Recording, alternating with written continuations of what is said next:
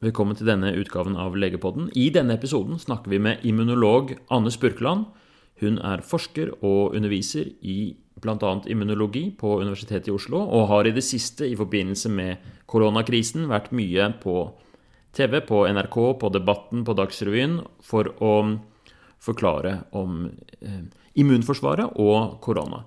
Så i denne episoden her så hadde vi gleden av å få intervjue henne og snakke i dybden om menneskets immunforsvar, og vi bruker da koronaviruset som eh, et utgangspunkt for å lære mer om immunforsvaret. Dette er en lang episode, men den er veldig spennende og kjempeaktuell, selvfølgelig. Den ble spilt inn 10.4.2020. Så selvfølgelig, når det er snakk om koronavirus, så kommer det hele tiden eh, ny informasjon, og noe av det vi sier, hvis du hører på dette frem i tid, må kunne sies å være utdatert. Men mye av det er jo også handler jo om immunforsvaret og er eh, relativt tidløst. Jeg håper du lærer mye av denne episoden. Det gjorde i hvert fall jeg. Du hører på Medisinstudent Snap. Men skal vi bare sette i gang og ønske deg velkommen til eh, Legepodden. Dette er jo da eh, en podkast start, startet av oss i Medisinstudent Snap. Som er da eh, en gjeng med leger og medisinstudenter som, eh, som eh, Vi starta med å lage en del quiz og sånn på Instagram, og så har vi utvida nå til en, en podkast òg, hvor vi finner, får tak i fremragende leger og, og gjør et litt sånn dyptgående intervju, da. Så da er jeg veldig glad for at du får være med. Du har vært så mye i media i det siste. Du har vært på Debatten og vært på Dagsrevyen, og jeg ser deg stadig vekk på NRK. Ja. Ja, foreløpig er jeg vel ikke helt husvarm på NRK, men jeg har vært ganske mye i media de siste fire ukene pga. Eh, pandemien. Så jeg har eh, stilt meg til disposisjon for universitetet som eh, ekspert på immunforsvaret. Og det er veldig etterspørsel etter eksperter på immunforsvaret. Det tror jeg kan trygt si, altså. Så bra. Så du kan anbefale andre nyutdanna leger til å begynne med det? Ja, ja det, det syns jeg jo helt generelt. Men du kan si det er første gang det har vært et eh, sånt voldsomt rush på å høre hva vi har å si, da. Det har ikke, ikke vært så stor interesse noen gang tidligere. Ikke under ebolaepidemien? Nei, nei, på ingen måte. Det var jo ikke noe som angikk oss. Så ingen som spurte om det. Nei, nemlig. Så, men nå angår jo denne pandemien hver eneste familie, så nå er dette her en mye større sak ja. for, for, oss. Og når det er noe som angår oss, så, så vil man vite mer. Men Første gangen jeg traff deg, det var helt på starten av medisinstudiet. Da var du min lærer i eh, Jeg husker første gangen var på histologisalen vi så i mikroskop. Ja. Men jeg hadde allerede hørt rykter om at du var en sånn fryktinngytende lærer. At det var en man skulle, ja. Ja, man skulle frykte. Ja. Og du hadde en litt sånn spesiell eh, eh stil med at alle ble beordret til å kjøpe med seg blanke ark og blyanter i sånne helt spesifikke farger. Du skulle ha rosa og lilla og Eller det var vel de to fargene, da. Ja, det er bare de to fargene man trenger absolutt. Ja. ja. Men eh, kan vi begynne med å liksom skru tiden enda litt tilbake? Hvor, er, hvor, hvor var det du studerte medisin? Jeg studerte medisin i Oslo, så det er litt kjedelig, men akkurat i de samme lokalene som eh, du har vært. Bortsett fra at eh, den gangen så var anatomi og fysiologi nede i sentrum, da. Så vi var ikke på preklinisk mer enn i mm, to tredjedels år. Ja, nemlig. Hvor, hvor, hvordan var det annerledes da for deg, tror du, enn det var for meg? Eh, det var færre studenter. Eh, vi var bare 150 studenter i året. Eh, så kullet var stort, da, men det var, eh, var bare ett opptak i året. Eh, vi studerte ikke sammen med tannleger og ernæringsstudenter sånn, sånn som man gjør nå. Til gjengjeld hadde vi veterinærer sammen med oss de første månedene hvor vi hadde kjemi som hovedtema. Så vi tok kjemi sammen med veterinærene. Men ellers så tror jeg vel kanskje at studiet er ganske likt, da, sånn fra studentsiden, studentperspektivet. tror jeg. Når var det du skjønte at du skulle drive med immunologi? da? At det skulle bli din greie? Eh, det var litt tilfeldig.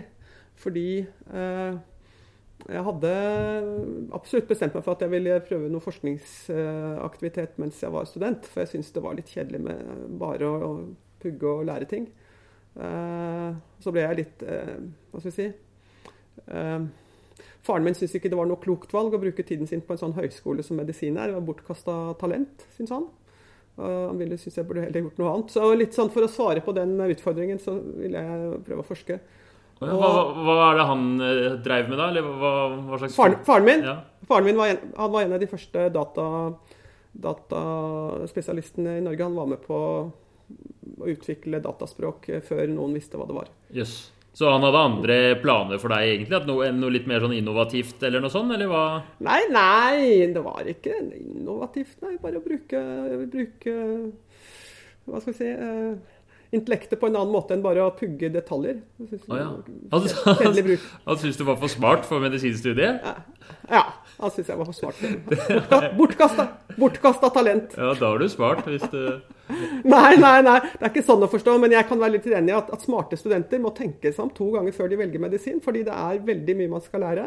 Og veldig lite rom for å tenke selv og utvikle resonnementer selv. Og, og, og være med på å utvikle fagkunnskapen. Altså, vi må i seks år gjennom en masse ting som man bare må kunne.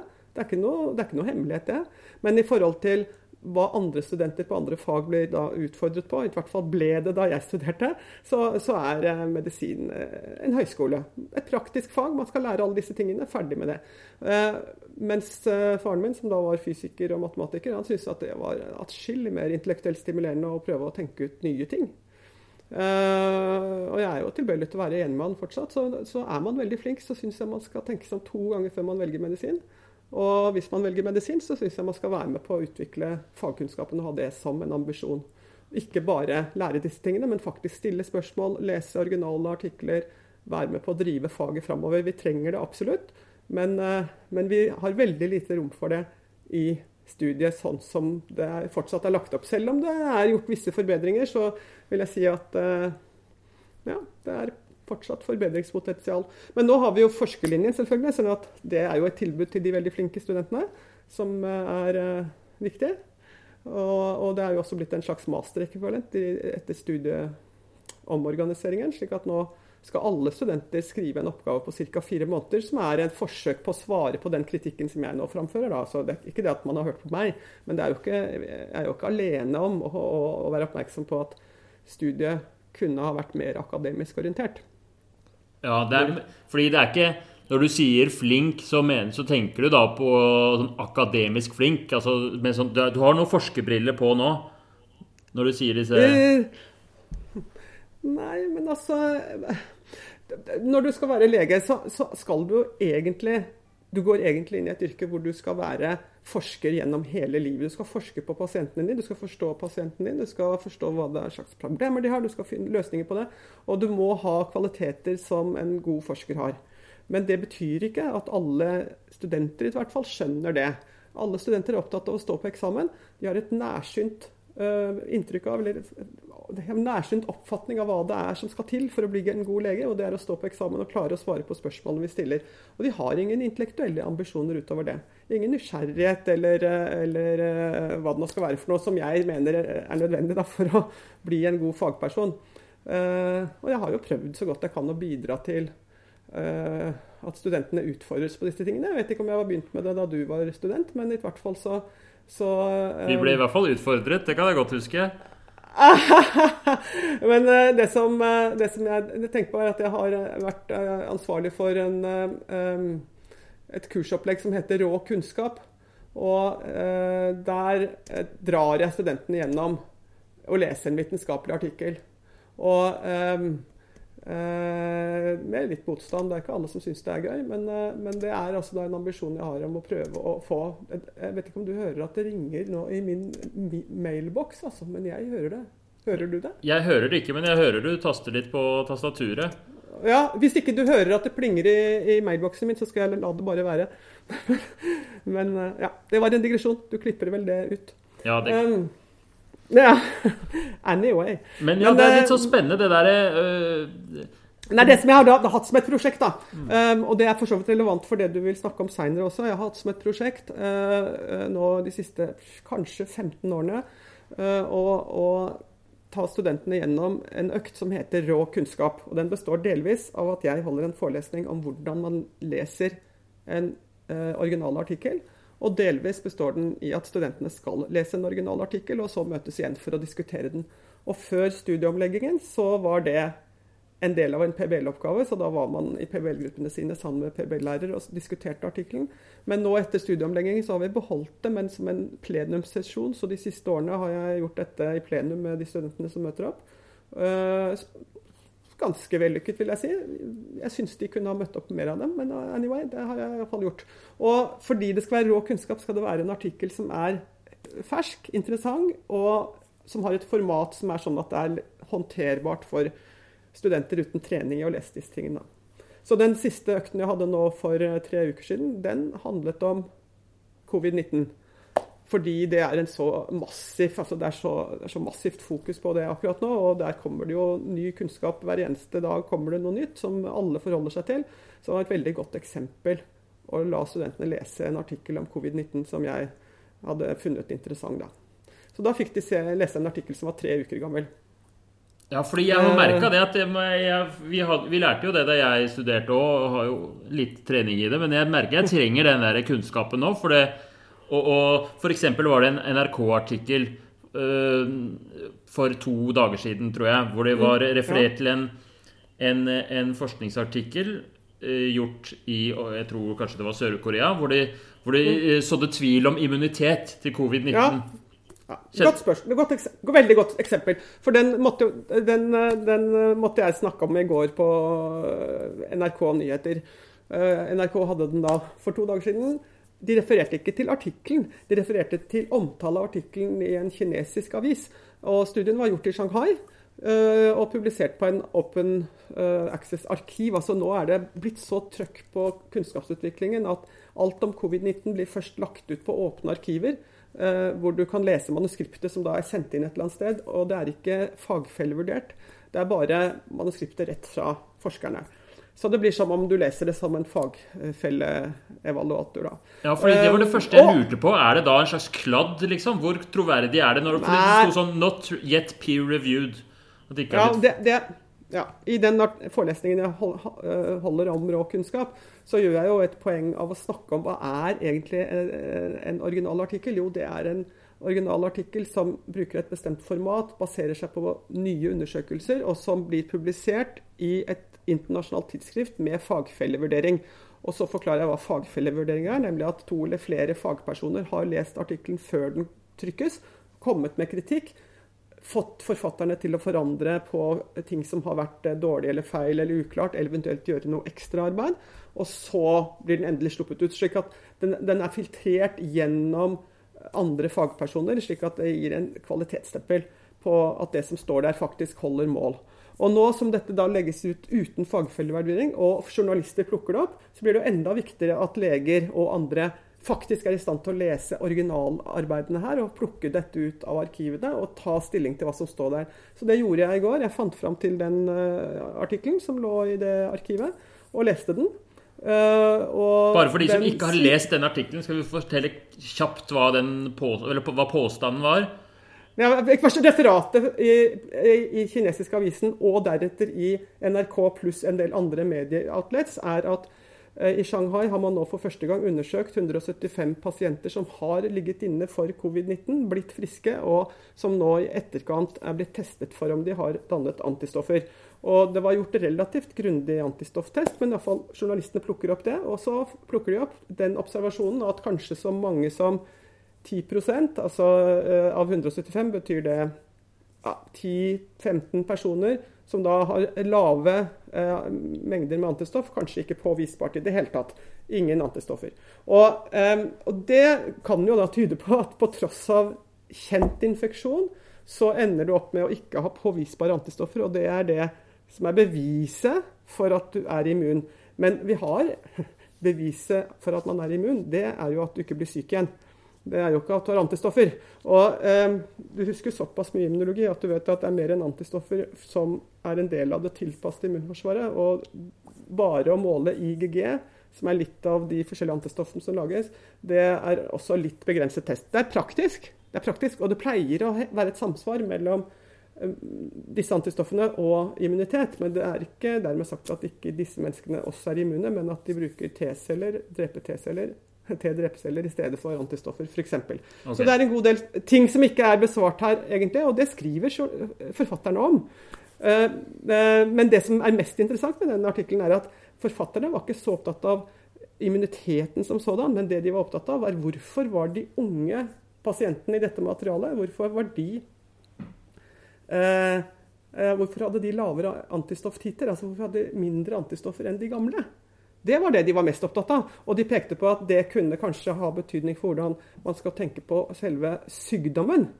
At de gamle som blir sykest, er også de som får høyest antistoffnivå. Det var det de la merke, la merke til. Men journalisten har tatt ut en annen bit eller en annen tolkning og løfter den ut. Og de leser ikke engang originalartikkelen. Så, så um, så den tolkningen som NRK eh, fore, eh, foreslo, at eh, oi sann, nå kan det hende at man ikke blir immun selv om man har hatt det, det er litt sånn drøyt å trekke ut ifra den artikkelen. For det første var det bare 10% som viste lave antistoffer. Og selv om man har lave antistoffer, så trenger ikke det bety at man ikke er immun. Omtrent der. sant? og det er en begrenset studie, og, og den er ikke fagfellevurdert. Så det er mange ting ved den som, som er liksom sånn Her skal man være forsiktig før man går ut med å, å trekke konklusjoner.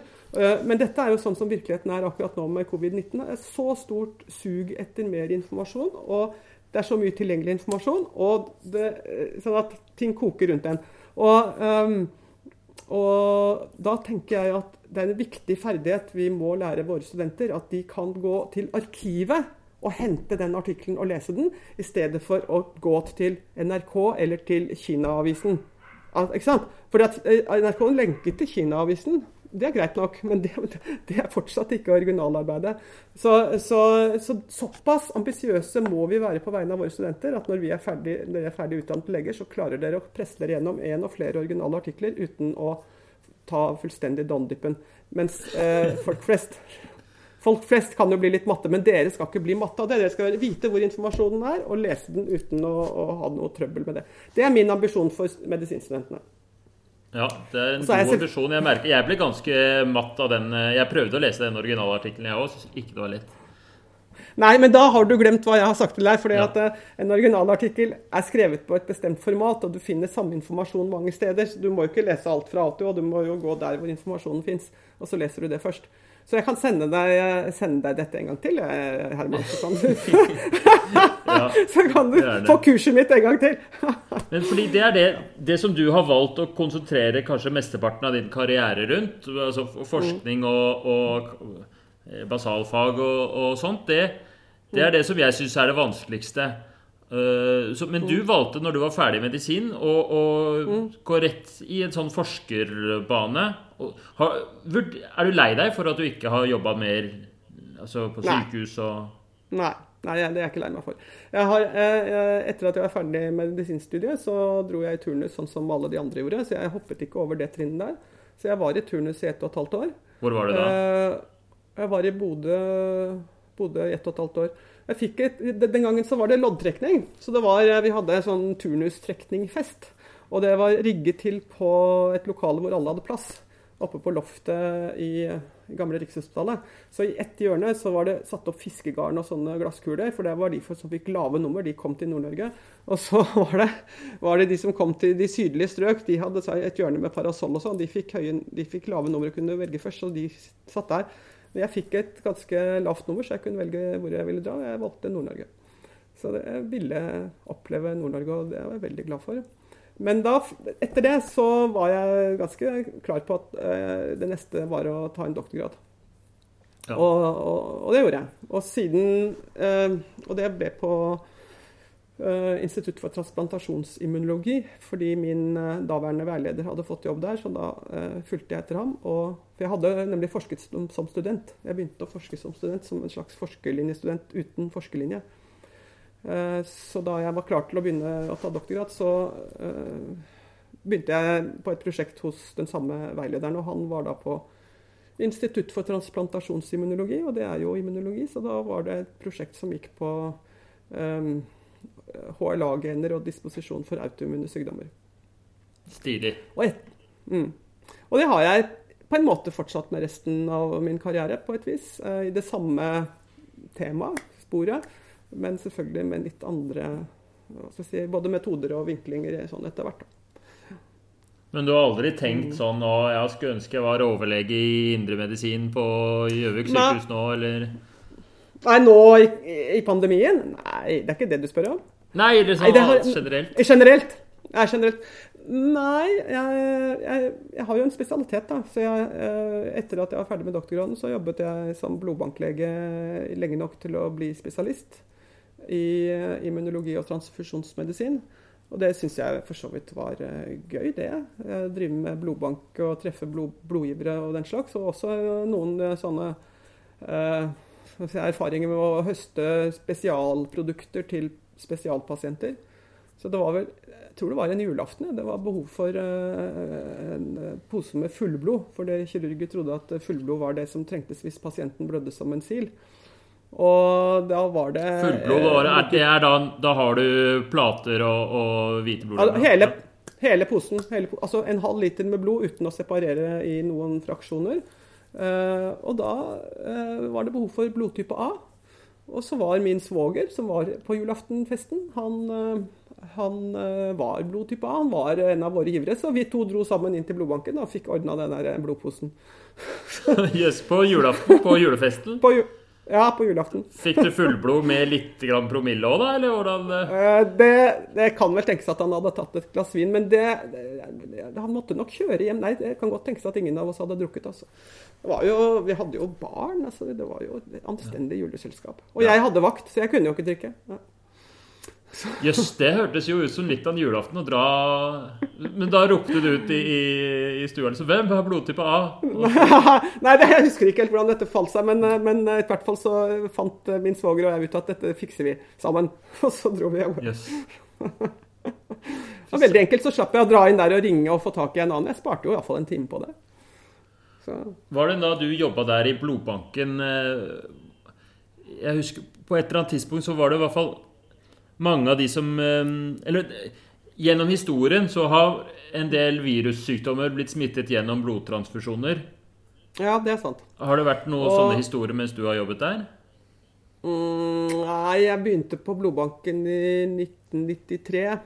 Eh, og da var jo for så vidt eh, hiv-epidemien under kontroll, så det var jo slutt på å ha hiv-smittet blod. Men jeg har jo vært med på å skrine folk, intervjue dem, finne ut av at nei, du kan ikke gi blod, og så prøve å begrunne det som best jeg kan. Fordi etter hiv-epidemien startet, altså etter at man så at man hadde smittet ganske mange særlig blødere gjennom blodprodukter, fordi man ikke hadde oversikt over denne smitten og heller ikke kunne teste for den i starten, så, så forandret blodbankvirksomheten seg. og kan, Norge kom relativt godt ut av det, fordi at eh, den legen som sto for, eller var ansvarlig for eh, produksjonen av disse blodproduktene som blødere skal ha, han eh, ønsket ikke å blande norsk blod med blod fra andre steder i Europa.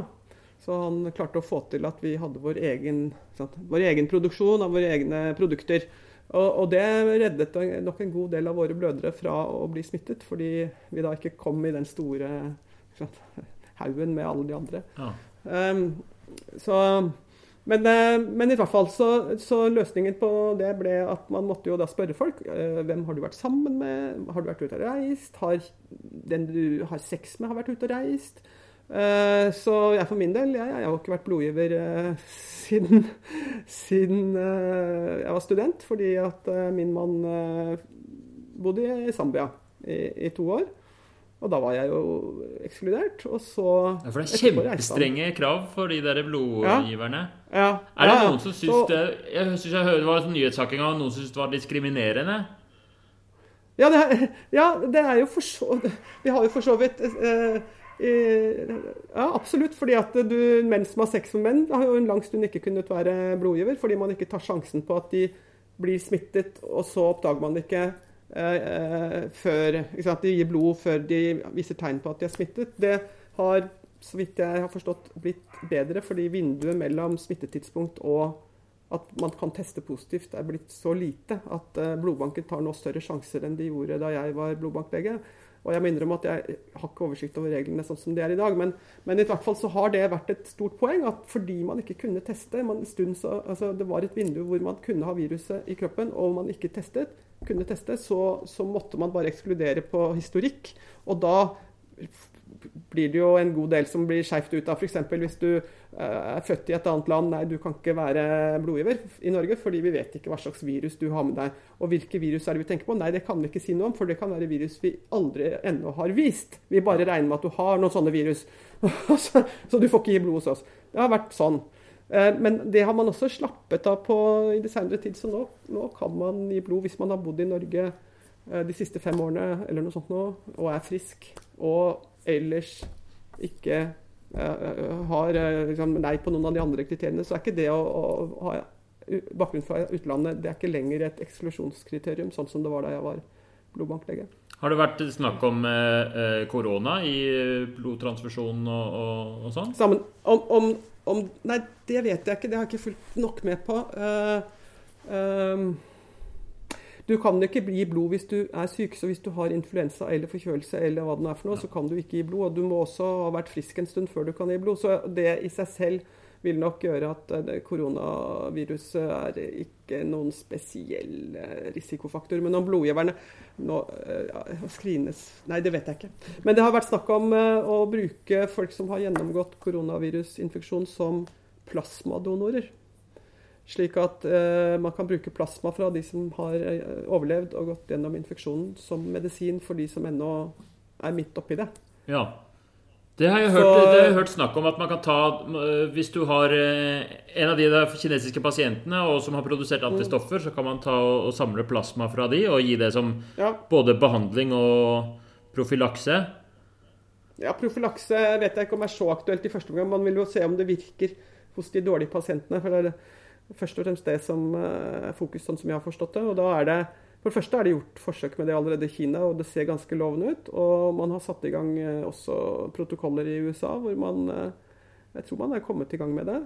I Norge har man også planlagt å gjøre det, så nå driver blodbanken og reklamerer, reklamerer etterlyser blodgivere. Etterlyser folk som har gjennomgått infeksjon med tanke på å kunne gi plasma. Det er kjempespennende. Jeg syns det virker logisk òg, ja. at du kan sprøyte inn da sprøyte inn masse antistoffer fra en person med gjennomgått infeksjon, og så vil det hjelpe til å bekjempe infeksjonen hos den som er sjuk. Hvor tidlig må du gi den behandlinga for det skulle kunne ha noe å si? Det, det, det, antageligvis kan man gi det også ganske seint i forløpet. Fordi eh, også altså de som er veldig dårlige, de pasientene som er veldig dårlige, sånn som jeg har forstått det, så er det ofte fortsatt snakk om at de har virus til stede. Uh, slik at det å fjerne viruset med uh, overleverplasma vil, vil, være en uh, fordel i seg selv. Men nå Ja. Tror, og, det, og, siden dette er eksperimentelt foreløpig, man vet faktisk ikke om det påvirker positivt eller negativt. Det kan faktisk også i verste fall påvirke negativt hvis man er uheldig. Så, så dette gjør man på de dårligste pasientene først, for å se hvordan det går. Og så kan man eventuelt utvide, utvide um, indikasjonene.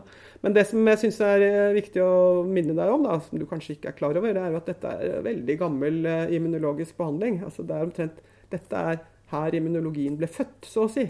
At man oppdaget at dyr laget antistoffer i blodet sitt, og at de antistoffene beskyttet andre dyr hvis de ble overført til et annet dyr som ikke hadde hatt infeksjonen. Og da det ble oppdaget. Og det ble oppdaget i 1890. sånn. Ja, det var noen da, kuer i England eller noe, det der? Mm, ja, det var ikke ja, det er kuer og kuer. Dette var, det var, det var først var det bare mus de jobbet med i Tyskland. Okay. Men, men observa den observasjonen at du kan overføre immunitet passivt, at du ikke trenger å å injisere svekkede bakterier i et dyr og få antistoffer, men at de antistoffene da kan flyttes til et annet dyr, og det er beskyttet mot de samme bakteriene. Det var en kjempeoppdagelse. Og umiddelbart så skjønte jo de som hørte om det, at dette kan vi kanskje bruke som medisin for barn som har infeksjon eh, av eh, difteri. For det, forsøkene ble gjort rundt eh, difteribakterien. Og det var en veldig dødelig infeksjon. Mange barn døde av det hver vinter når det var en epidemi. Så, så, fire år etterpå så hadde franskmennene rigget seg til et forsøk med dette. Uh, vinteren 1894 eh, så var det en av eh, Louis Pasteurs elever som heter Emil Roux, en lege som har fått lite oppmerksomhet, men som var veldig veldig flink. Han organiserte så de to barnesykehusene i Paris var med. på den måten at Det ene sykehuset der fikk alle barna som ble lagt inn med difteri, fikk en drøy sprøyte med hesteserum i bukskinnet. 20 mm sprøyte, det er ganske mye, men det ble altså injisert.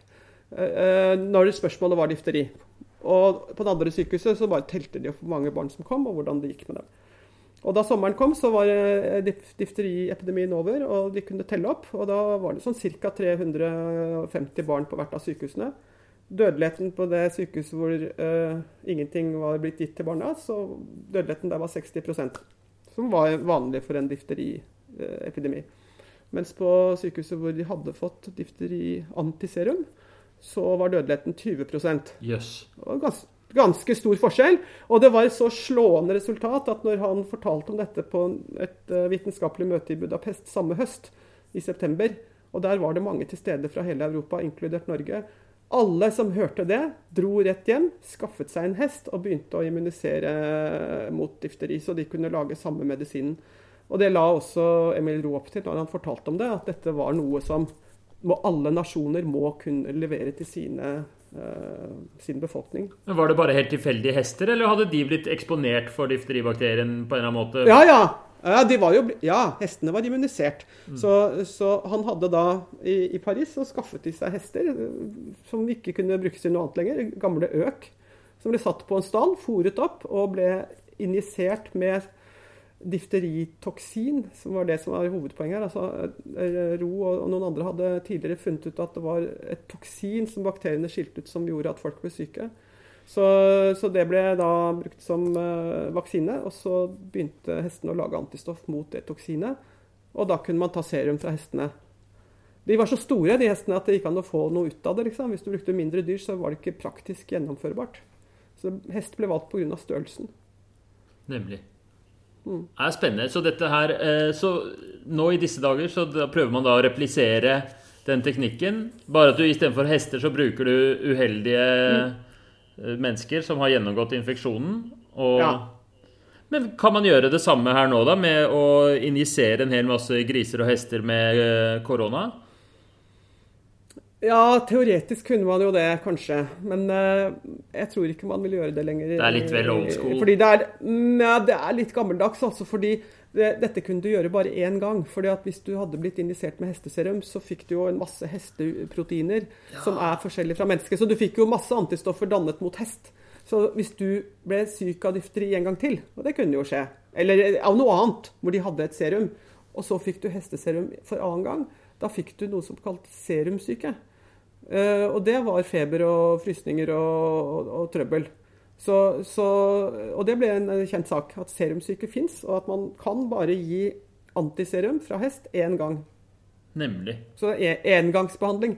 Eh, fordi man ble immunisert da mot alt det andre fra hesten. Okay. Så, mens, eh, mens, men jeg må jo minne deg om at, at uh, fra den starten med hesteserum, så har jo immunologien og immunologer laget en rekke behandlinger som baserer seg i prinsippet på det samme, bare at nå er man mye mer sofistikert. Man bruker ikke serum, et sånt polyklonalt serum som dette er fra hest. Der har du jo liksom, mange forskjellige B-celler eh, som har laget antistoffer. Så det er mange forskjellige antistoffer. Selv om alle virker mot toksinet, så vet du jo det at det er polyklonalt. Det som eh, man gjør nå, er å bruke monoklonale antistoffer, hvor du har ett antistoff som lages av én B-celle, og så dyrker du den opp i laboratoriet til monstrøse mengder, så du får veldig mye av ett eneste antistoff som har en helt bestemt Eh, spesifisitet mot noe du ønsker å blokkere. F.eks. koronavirus, eller f.eks. Eh, difteri, da, hvis det skulle være aktuelt igjen. Eh, men i praksis nå så er det jo ikke det vi kanskje bruker mest, men heller antistoffer mot forskjellige faktorer i immunsystemet som du kan bruke som medisin mot betennelsessykdommer. sånn. F.eks. Eh, tarmbetennelse. Pasienter med Crohns sykdom de får ofte anti-TNF-antistoff som biologisk medisin. Er det den Embrel? Eh, ja, det tror jeg kanskje er et av navnene. Ja. Eh, og, og, det er et monoklonalt antistoff. Det er laget Akkurat hvordan det er laget, men i, vet jeg ikke, men i prinsippet kunne det da vært laget i mus. Og så har man fjernet den delen av det antistoffet som er mus, og byttet inn med mennesket, sånn at vi skal få minst mulig immunisering mot medisinen. For det kan skje også når du jobber med et monoklonalt antistoff. Eh, slik at du kan da ta den medisinen over lang tid uten at effekten blir borte fordi du begynner å lage antistoffer mot antistoffet. Skjønner. Så det er, Grunnen til at de Fordi de er ganske dyre, de der um, biologiske medisinene. De, hvor man har en, fordi det er, du må, du, det er såpass spesifikt du, må liksom, du får ikke tak i de antistoffene uten at det dyrkes fram, produseres av en celle. Du kan ikke liksom bare gjøre de Ja, det, ja altså det, det er Det går an å komme rundt det ved å uh, la en bakterie produsere dette også. Kanskje ikke et helt antistoff, men i noen tilfeller trenger du egentlig bare bindingsdelen av antistoffet. Bare det såkalte FAB-fragmentet. Altså Ja, disse navnene, vet du. Det er jo helt merkelig. Men du vet at antistoff har to armer og en felles fot. Og hvis du skal blokkere et, eh, et hormon sånn som TNF realiteten er, som er bare et lite peptid, så trenger du ikke begge armene. Du trenger bare bindingsdelen. Så du kan produsere bare den delen som binder hormonet. Og det kan du gjøre i en bakterie. Så det går an å produsere dette på forskjellige måter. Men det viktigste grunnen til at dette er så dyrt, det er jo at det tar veldig lang tid å utvikle hele medisinen. Og siden du da er den, har patentet på det, og siden medisinen skal brukes av veldig mange, så setter du jo prisen der hvor smertegrensen går. Ja. Ikke der hvor kostnaden der, men der hvor smertegrensen går. Og den kan jo være mye høyere enn selve kostnaden din ved å lage dette her. Ok, skjønner.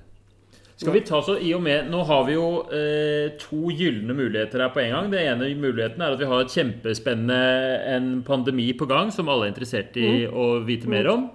Og så har vi deg som er ekspert på immunologi, skrevet boka 'Immun' og undervist eh, studentene i immunologi kjempelenge. Eh, så jeg tenkte vi kunne prøve å liksom gå gjennom eh, en koronavirusinfeksjon, og så kan du forklare litt immunologi underveis. Mhm, OK. Fordi altså um, uh, Den uh, Det jeg lurer, har lurt litt på, er For det derre eh, eh, Koronaviruset, det angriper um, Har jeg lest etter sånn? Angriper den derre Altså E uh, den, den treffer Den bruker en sånn overflateprotein for å, for å komme inn i cellen. Som er et sånn helt spesifikt protein som finnes på noen typer celler. Hovedsakelig i lungene, men fins også i hjertet og i magen. og sånne. Er ikke det Ja. Så langt har jeg kommet. Eh, Hva er, det som, hva er det som skjer helt sånn i starten, fra viruset på en måte flyr inn i, i, i nesa på, på en pasient? Ja, den personen er jo ikke pasient med en gang der, da. På en person. På en person, ja. Så eh, når viruset kommer inn enten gjennom nesa eller gjennom munnen, så vil det falle ned på slimhinnene. Og, og, og det er jo kroppens første forsvarsverk, hvordan slimhinnene er rigget til. Og eh, slimhinnen er da eh, dekket av et overflateepitel. I nesen er det et respiratorisk epitel hvor, hvor eh, det er flimmerhår, og det er celler som produserer slim, og som frakter slime, flimmerhårene frakter slimet eh, mot svelget. Eh, slik at man får alt mulig som faller ned på det slimet, blir fanget opp og, og, og helst transportert vekk fra cellene. Så det skal litt til at et virus etter å ha truffet overflaten også klarer å liksom havne inn, inn på celleoverflaten. Det er et slimlag imellom der som er en buffer. da. Så en del av viruset som havner, virusen som havner på, i nesen, vil eh, nok bare bli svelgt. Uh, Og der dauer det, ikke sant? eh, Hvis viruset kommer ned i magesekken, så er det safe. Så, nei, ja, da vil de aller fleste virus vil, ja, vil antageligvis ikke tåle det. kommer an på hva slags virus det er. Da. Hvis det skal ned til mage, hvis det skal gi en gastroenteritt, så tåler du selvfølgelig magesekken. Kan ikke, så- er det ikke en del som får diaré av korona? At den kan få sånn mage... Jo, jo, så jeg tror nok at noen av koronavirusene kommer seg nok gjennom magesekken. Altså. Men, eh, men, men magesekken har jo da et lav pH med, eh, som ødelegger en god del proteiner og, og for den saks skyld kappen rundt eh, det viruset vi snakker om nå. Så, så eh, mye blir ødelagt i magesekken, og så er det ikke noe mer problem. Men hvis vi tenker fortsatt på dette koronaviruset, da, så havner det på slimet der, og eh, det kan jo da komme seg helt inn til overflaten av cellen, og der treffer det disse reseptorene som sitter på flimmerhårene eller på helt ytterst. AC2 sitter ytterst på cellene. Og eh, koronavirusets egne proteiner, som gir denne kronen, karakteristiske utseendet vi har sett nå i fire uker. Eh, hvert av de taggene kan binde seg til reseptoren på overflaten av eh, cellene. Altså man må ha den AC2-reseptoren. da. Og, og, så er det en, en, forandring her som ikke jeg har satt meg helt inn i, men det skal være en enzymatisk endring av kroneproteinene. Eh, sparkproteinene som er nødvendig for at det skal sette seg ekstra godt fast på reseptoren. Og så vil, eh, vil cellen eh, internalisere dette her og trekke med seg viruset inn i en sånn blære av eh, av eh, membran fra overflaten. Eventuelt at viruset bare nøyer seg med å, å, å, tvinge gjennom en åpning der det sitter, og så lar det innholdet, innholdet inni i viruskappen bli dyttet over i cellevæsken. Mm. På den ene eller den andre måten så kommer innholdet fra det som er inni i viruskappen, vil komme inn i cellevæsken. Og det er noen trinn her som uh, er avhengig av enzymer. Det, uh, det, er et enzym som har et navn som jeg syns er litt vanskelig å huske, men det er noe med TMPR28 eller noe sånt noe. Og det må også være i de cellene som viruset skal inn i. Hvis ikke så kommer det seg ikke inn. Så det er ikke nok med acetod, men det må et enzym til. Ja, også, så et, som mennesket har, som, som, personen har i sin celle? Ja, ja. Så, mm. Ja, som fins i kroppen. Og, og, da vil det være noen celler som kanskje har AC2, men som ikke har dette enzymet. Og da vil de ikke kunne smittes av det viruset. Men eh, luftveisepitelet har eh, det enzymet. Eh, og så kommer da viruset seg ut i cellevæsken og vil overta, overta en del av cellens eget maskineri for å kopiere seg selv. Og produsere kopi av arvestoffet, som er en RNA-tråd på ca. 32 000 baser. Og i tillegg også produsere proteinene som inngår i kappen. Og så eh, vil det lages nye viruspartikler. Ja, Så da cellen, den eh, menneske, menneskets uh, luftveisepitelscelle, har, blitt til en, mm. har blitt til en virusfabrikk? Ja, det er riktig å tenke på det på den måten. Hvor lang tid tar så, det å, å, å, sette i gang det å ta over cellen og, og lage nye virus? Går det på minutter? Går det på timer? Dager? Det er jo et godt, et godt spørsmål. Du, du, stilte meg jo det på forhånd på e-mail, så jeg begynte å se på det nå for ti minutter siden. Eller for en halvtime siden. Og da kom jeg over en artikkel som sier at det, det kan ta fra minutter til en uke, men avhengig av hvilken virus vi snakker om. Slik, og det er kanskje ikke så veldig ofte målt ordentlig, så det er ikke sikkert at vi alltid kan gi et ordentlig svar på hvor fort det går. Og når det gjelder koronavirus, så ikke, vet jeg ikke om man har et ordentlig svar, men eh, jeg tenker at sånn, i løpet av noen timer så får du nye virus produsert. Det er i hvert fall ikke snakk om en uke, for å si det sånn. Ja, og da Er det sånn da at de skilles ut av cellen, eller sprekker cellen, eller hvordan er det de kommer seg ut Nei, de, kom, de, kommer seg ut uh, uten at cellen sprekker. Så det er en sånn uh, avkniping av viruspartikler fra cellen som fortsatt er i live, og som da uh, tvinges til å knipe av biter av cellemembranen som blir en pakke rundt viruspartiklene. Eh, men, men, det er ganske mye som skjer med den cellen, i prinsippet iallfall. Det å få et virus inn i, i cellevæsken og bli tvunget til å lage viruspartikler, det eh, setter i gang reaksjoner i den cellen i prinsippet. Så eh, normalt så blir det oppdaget av cellen at her har vi fått arvestoff på feil sted. Her er det arvestoff i, i, cellevæsken som ikke skal være der. Eh, det er ikke med de rette merkelappene på, så det skal ikke være sånn. Eh, og så har cellen diverse mekanismer for å skru på signaleringsvei som ender opp med at det skilles ut fra den infiserte cellen interferon, som er et, eh, et hormon i immunsystemet, og som brukes som medisin i noen sammenhenger. For det er sånn signalstoff? Det er et signalstoff, og det virker lokalt, sånn at nabocellene får den beskjeden fra den infiserte cellen at her er jeg infisert. Og interferon vil virke på de andre cellene, slik at de skrur ned skru ned eh, fabrikkaktiviteten, så det, viruset vil ikke ha like lett spillerom hvis det kommer inn i de andre cellene.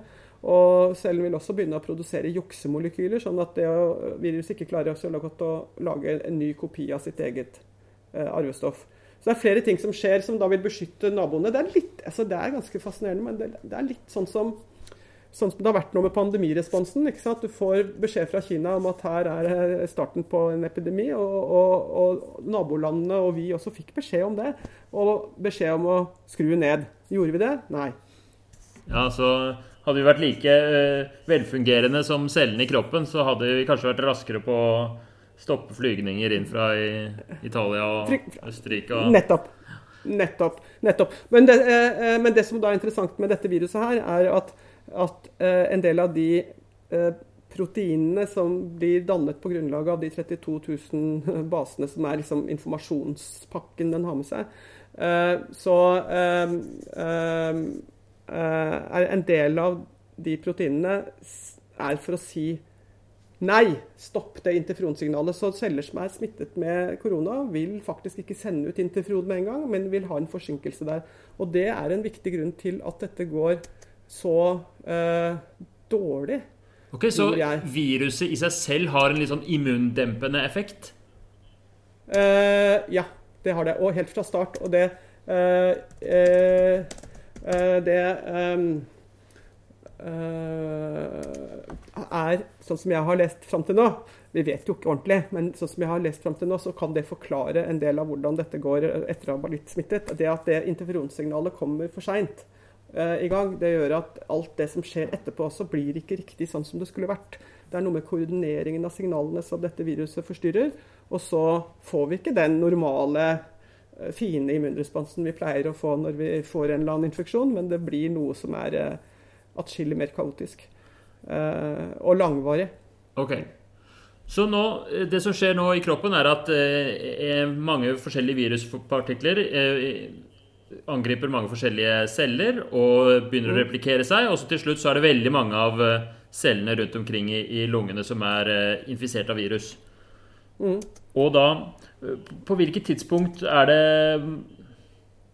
eller Når er det immunforsvaret, altså antistoffproduksjon og sånt, hvordan er det det kommer i gang da? Når er det liksom uh, Kan du bare gå gjennom hvordan det foregår? Ja, altså Hvis du ser bort fra at dette interferonsignalet kommer seint i gang, hvis du bare antar at dette går sånn som det skal, normalt, så vil interferonsignalet for første si fra til nabocellene at her må dere roe dere, gutter. For det andre så vil interferonsignalet også bli sendt ut litt videre i kroppen. altså Det er jo et hormon, så det tåler å sirkulere. Og vil si fra til uh, immunceller om at uh, her skjer det noe, så kom hit. Og da er det beskjed både til celler i det medfødte immunforsvaret, sånn som makrofager og, og ja, kommer, kommer, til stedet. Og det er også beskjed til um, det medfødte immunforsvaret med lymfocytter, øh, at her må det gjøres noe. Nei, men så, Det er det ervervede? Det ervervede Ja, jeg, jeg, pleier å si tilpasset, for det er det den er som en direkte oversettelse ja. fra engelsk. Adaptive. Ja. Og jeg syns det beskriver mye bedre hva det er som foregår. Øh, ervervet, hva er det for liksom? Mm. Men her skal du få tilpasset et immunforsvar akkurat når du trenger det. Mm. Dette er ja, Jeg snakket for økonomer her tidligere denne uken. Just in time, sier økonomene. Vi skal ikke ha varer på lager. Vi skal ha just in time. Vi bestiller det når vi trenger det. Og det er det samme som eh, skjer med immunforsvaret. Du har ikke antistoffene der når du begynner, men du bestiller det just in time, så du får det i løpet av en syv, syv dagers tid. Så normalt så vil en immunreaksjon i løpet av syv dager også gi deg antistoffer på den syvende dagen og deretter. Og da skal du normalt fort bli frisk. Så ta syv men, dager å lage antistoffer? Lage nok antistoffer. Det lages antistoffer fra, fra dag én, men det blir så lite. For uh, det er bare noen få celler som kan lage det i begynnelsen. Så de begynner å lage antistoff, men samtidig så deler de seg. Så du får dobbelt så mange av de cellene dagen etterpå, og så lager de antistoff, så deler de seg. Så du, du må vente på at cellene har uh, ja, Vi kaller det proliferere, da. Ja. Og det foregår i lymfeknuter, så du kan jo faktisk følge med. Hvis dette er en halsinfeksjon, så får du hovne lymfeknuter, og det er fordi at uh, det er mange celler der som har vokst og delt seg i de dagene dette foregår. Og det er da plasmacellene som både De første plasmacellene begynner å pro pro produsere antistoffer, og så er det også proliferasjon av plasmaceller? Ja, det er ikke, plasmacellene er uh, slutt ende, endestadiet. Så de deler seg ikke lenger. Ja, så det er pro, okay. B-celler som deler seg? B-cellene mm. som deler seg og produserer antistoffer. Og så vil sluttresultatet være at noen av de ender opp som plasmaceller, og de kan være lenge i kroppen. De sitter i beinmargen i årevis og produserer antistoffer. Eh, men det vil også være B-celler som er blitt hukommelsesceller, som da er i kroppen lenge, og som kan gjøre dette på nytt igjen hvis det oppstår behov. Eh, og så vil en del av de som, cellene som det ble mange av på et tidspunkt, de vil eh, dø etterpå. Ja. Etterpå, når, vi når vi er ferdig. Men hvis du tenker på selve covid-19-infeksjonen og sykdomsprosessen, hva som er typisk der så Først så blir jo folk smittet, det er jo helt åpenbart. Og så tar det en dag eller kanskje opptil en uke før man får noen reaksjon. og så Kanskje man får feber, eller kanskje man begynner å hoste litt. eller altså, Man merker at man er blitt syk. Og så kanskje man får litt vondt her, litt vondt der, kanskje sånn. Så du, OK, du er syk. Så er du hjemme. Så venter du sju dager og føler deg ganske OK. Og den åttende dagen, da begynner det å bli dårlig igjen. Og da blir du kanskje verre enn du var. Så dag uke to, der er det de fleste som har, har hatt et, et litt grundig covid-19-forløp, de vil si at det var uke to som var verst. For da begynte jeg å få vondt for å puste, og det var mer smerter, og det var, det var veldig ubehagelig, og jeg ble redd, og jeg vet ikke hva. Og så, og så hos de fleste så går det seg til, men hvis du blir lagt inn på sykehus, så er det veldig ofte i uke to. Og det er fordi da har du fått antistoffer og antistoffer, og samtidig veldig mange virus. Og da, når de møtes, så blir det veldig mye betennelsesreaksjon. Ja, det er jo sånn man det, det, Man skulle jo tro altså sånn som er liksom, vir, Hvordan antistoffer normalt skal virke, så har det, altså, det er proteiner som har to bindingssteder eh, på samme protein, så de kan binde virus. De, virus har, jo sett, har man jo sett har mange tagger. Så har du to bindingssteder, så kan ett antistoff binde to virus. Og hvis du har mye antistoff, kan dette bli store klumper av virus og antistoff, og det er i praksis å ha fjerna problemet. Men det som kan skje her ved covid-19, som jeg syns jeg begynner å se liksom konturene av når jeg leser, er at eh, når du får kombinasjonen av virus og antistoff, så vil ikke det være sånn at nå er det slutt. Nei, det er da det begynner. For da sitter viruset, da sitter antistoffet på makrofager nede i lungene. Og så binder viruset seg, og så blir de makrofagene aktivert. Ikke til å å, å roe situasjonen eller noe sånt. Nei, til å kjøre på med betennelsessignaler. Så du får proinflammatoriske signaler, og lungene tåler det ikke. Altså det, lungene er jo noen tynne greier som skal ha mest mulig ro og fred. Men i dette tilfellet så blir det bare mest mulig betennelse, og det, da blir det trøbbel. Altså. Ja, Det er da du får den der utbredte lungebetennelsen som de ser på røntgenbildene. At du har ja. eh, bilateral lungebetennelse, og du får, utvikler sånn ARDS, Acute Respiratory Distress Syndrome. Ja, ja det, er jo, det er jo, da har du jo kommet veldig langt. Men, du, men hvis du, disse pasientene, altså hvis du kjenner noen som har hatt dette og sier at jeg fikk vondt for å puste i uke to, så kan de godt være hjemme med det. Men hvis det blir tatt røntgenbilde av dem, så vil de se hvite flekker her og der. Som uttrykk for at det er lokale områder i lungen som er dominert av denne betennelsen, okay. og som da ikke, ikke fungerer. Slik at du har fått tatt ut en del av lungekapasiteten og dermed får følelse av at det ikke blir nok luft. Men hvis du får dette generelt i lungene, så er du jo så dårlig stilt at du er avhengig av Da trenger du jo sykehus og oksygen og kanskje respirator også. Ja, for det jeg har hørt Jeg har snakket litt med sykepleiere og leger på, på intensivavdelinga på Ullevål og i mottaket på Ullevål, ja. og det de sier, er at ja. mange av pasientene Eller det er sånn type sånn kjennetegn ved koronapasienter er at det kan være Du trenger ikke å være en veldig gammel pasient, det kan være yngre pasienter nede i 30-40-50 år òg, men de, de ja, ser ja. ganske kjekke ut. Man kan liksom ikke se på dem at de virker sjuke. Og de har fine, ja. vitale parametere, bortsett fra én. Og, er, og, du hører ikke noe på lungene heller, men oksygenmetninga er kjempelav. Den er Plutselig er den 60-70-80 ja. Bare helt sånn vaff. At man får sånn sjokk med en gang man setter på det pulsoksymeteret på fingeren. da ja, og det, det, det, Jeg har jo prøvd å tenke på dette her nå de siste fire ukene på forskjellige måter. Uh, um, og det som helt åpenbart skjer i lungene når uh, du får denne massive aktiveringen av betennelse uh, lokalt, uh, så skilles det ut betennelseshormoner, TNF og jeg vet ikke hva, det, hva slags som er involvert, men det skilles ut. Og de virker på blodkarene, slik at de blir mer lekk for, for alt av proteiner og væske. Dette er jo en helt klassisk betennelsesreaksjon. Og hvis du får lekkasje av væske fra av kapillærene i lungene, så vil jo den væsken bare lekke ut i lungealveoleveggen, og eventuelt også over i alveolen. Og da får du altså proteinholdig plasma. Dette blir plasma uh, i, i, enten i veggen eller i alveolen, og dette koagulerer. ikke sant? Så får du sånne proteinholdige uh, lag som gjør at diffusjonsbarrieren for oksygen er blitt betydelig tjukkere. Og du får jo ikke oksygen tvers gjennom der. Mm, så da blir det så, ja, så blodet som kommer inn i lungene, ikke sant? De, de, eh, og skal hente oksygen, de får ikke nok oksygen, for veggen mellom, eh, mellom luften og, og blodet er for stor, er for tjukk. Ja, jeg tror det er det som skjer. Hvis du tenker deg hvordan dette var Jeg underviser jo dette hele tiden, så jeg ser disse her histologibildene for meg eh, mens jeg sover, om, den, det, om det er det å gjøre. Ikke sant? Og jeg spør også studentene hva er diffusjonsbarrieren for oksygen i lungene. Og da har, gjør jeg et poeng. Hver eneste gang jeg har studenter, så er det sånn hvor mange lag med lipid skal oksygen gjennom? Og så teller vi og finner ut at ja, det er fem lag med cellemembran, fordi det er alveole plateepitelcellen som ligger ytterst, og så er det selve epitelet eh, rundt eh, kapillæren, som så det har blitt til sammen fire lag, og så skal oksygenet inn i det røde blodlegemet. Fem lag. Fint. Men i dette tilfellet her, når vi har covid-19 og, og, lungesvikt, så vil det altså ikke Disse tingene ligger ikke tett sammen da. Da blir det mye rom imellom hvor det er væske og protein som koagulerer, og ting kommer lenger fra hverandre. Så, øh, og kanskje kommer ikke oksygen ned i lungeblæren i det hele tatt, for det er så mye væske. Så da, da, da går det ikke. For oksygen trenger tid for å komme over. Det er allerede normalt så går ikke det så fort. Da, så da stemmer det som du beskriver. Du kan, alt kan se helt greit ut, bortsett fra at oksygenmetningen er uh, kritisk lav. Men du sa at, at, dette her kom som et resultat av makrofagene som eh, binder seg til uh, antistoff med virus, og da reagerer og skaper en betennelsesreaksjon. Er det, er det derfor du sier at det ikke nødvendigvis er så lurt?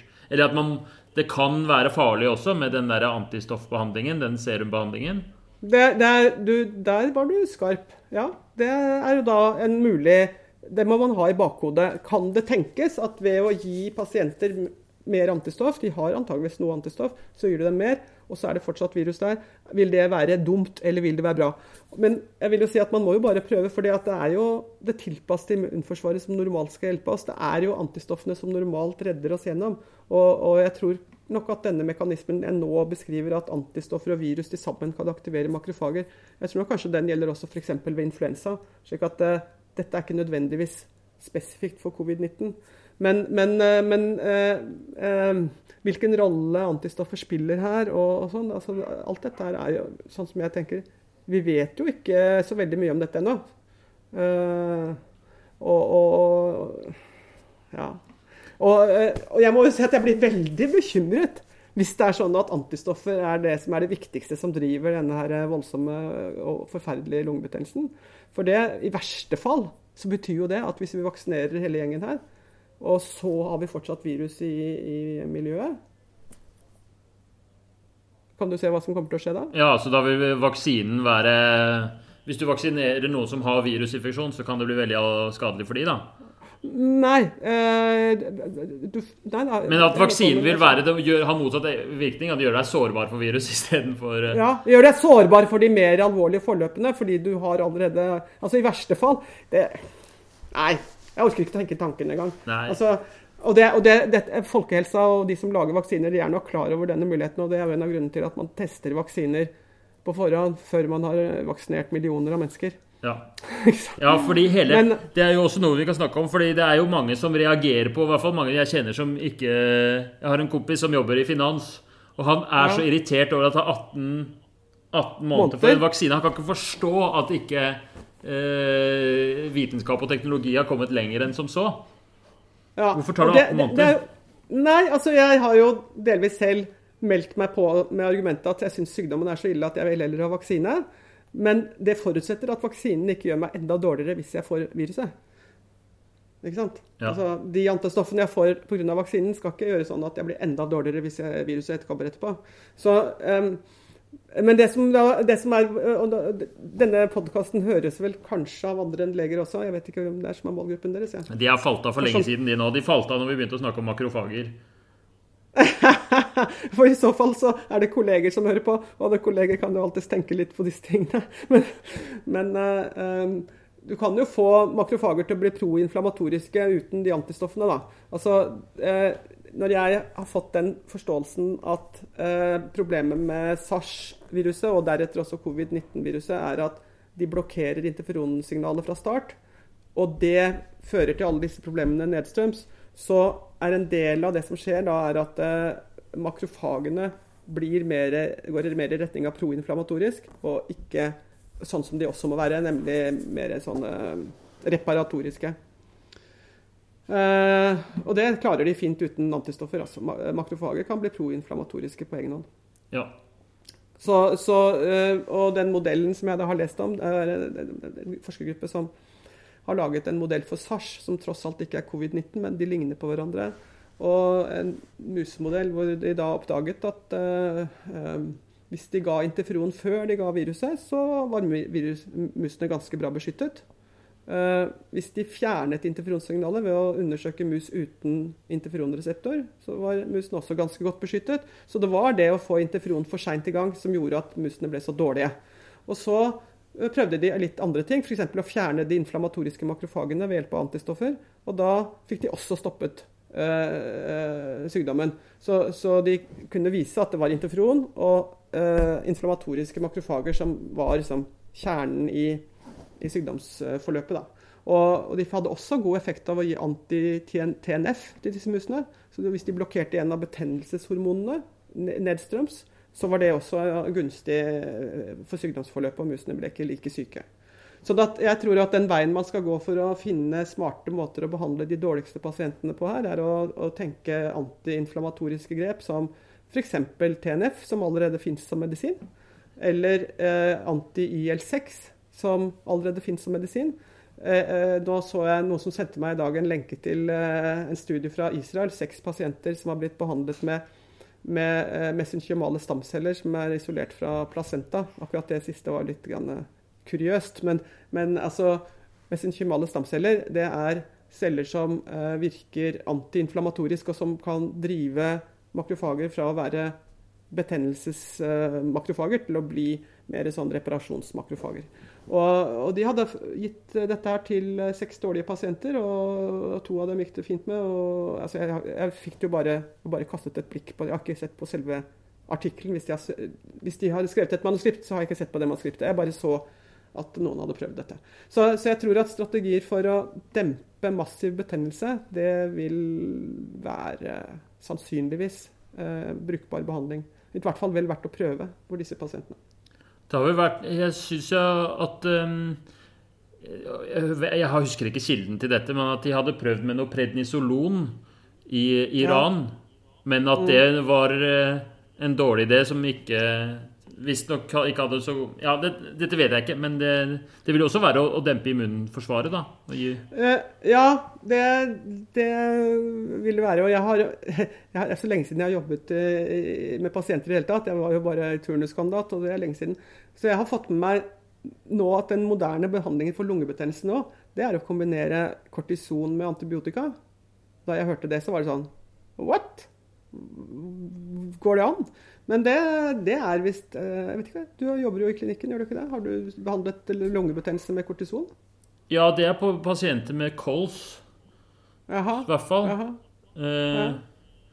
Så gir man jo Men helt mm. Men, eh, ja, men ikke altså, på vanlig lungebetennelse, syns jeg å huske. At, eh, altså, hvis en pasient kommer til en allmennpraktiker, så gir man jo bare antibiotika. Ja, altså Grunnen til at jeg oppdaget dette, var at min svigerdatter fikk dette som en sånn miks eh, da hun gikk til en lege i et annet land enn Norge. Og da jeg fikk høre det, så var det sånn What? Men ja. etterpå skjønte jeg at det var ikke så eh, eksotisk, altså. Men, eh, men iallfall tilbake til prednison. Det kan jo ha da eh, litt forskjellige effekter. Og det er ikke opplagt at prednison vil være måten For du vil jo at viruset skal bli vekke også. Og hvis du fjerner Prednison vil virke hemmende på det tilpassede immunforsvaret. Uh, og, og, du vil jo antageligvis gjerne at det skal hjelpe til å få pasienten gjennom virusinfeksjonen. Ja. Så jeg, jeg, vet ikke nok hvorfor det ikke virket. Men, eh, men, eh, men betennelsesdempende medisin har jeg tro på. Og, og, jeg vet at det er forsøk, forsøk, i gang. Folk har begynt å, med forsøk med IL6-hemmer uh, f.eks. Og, og jeg regner med at man får veldig raskt resultater der som blir fortalt. Ok, er det, det, er veldig mye vi ikke vet om dette viruset. Men, men mm. en ting som jeg også sa til deg på forhånd at jeg vil spørre deg om, det er dette med mm. eh, Med eksponeringsdose av virus. Mm. Hvor mye du blir mm. utsatt for.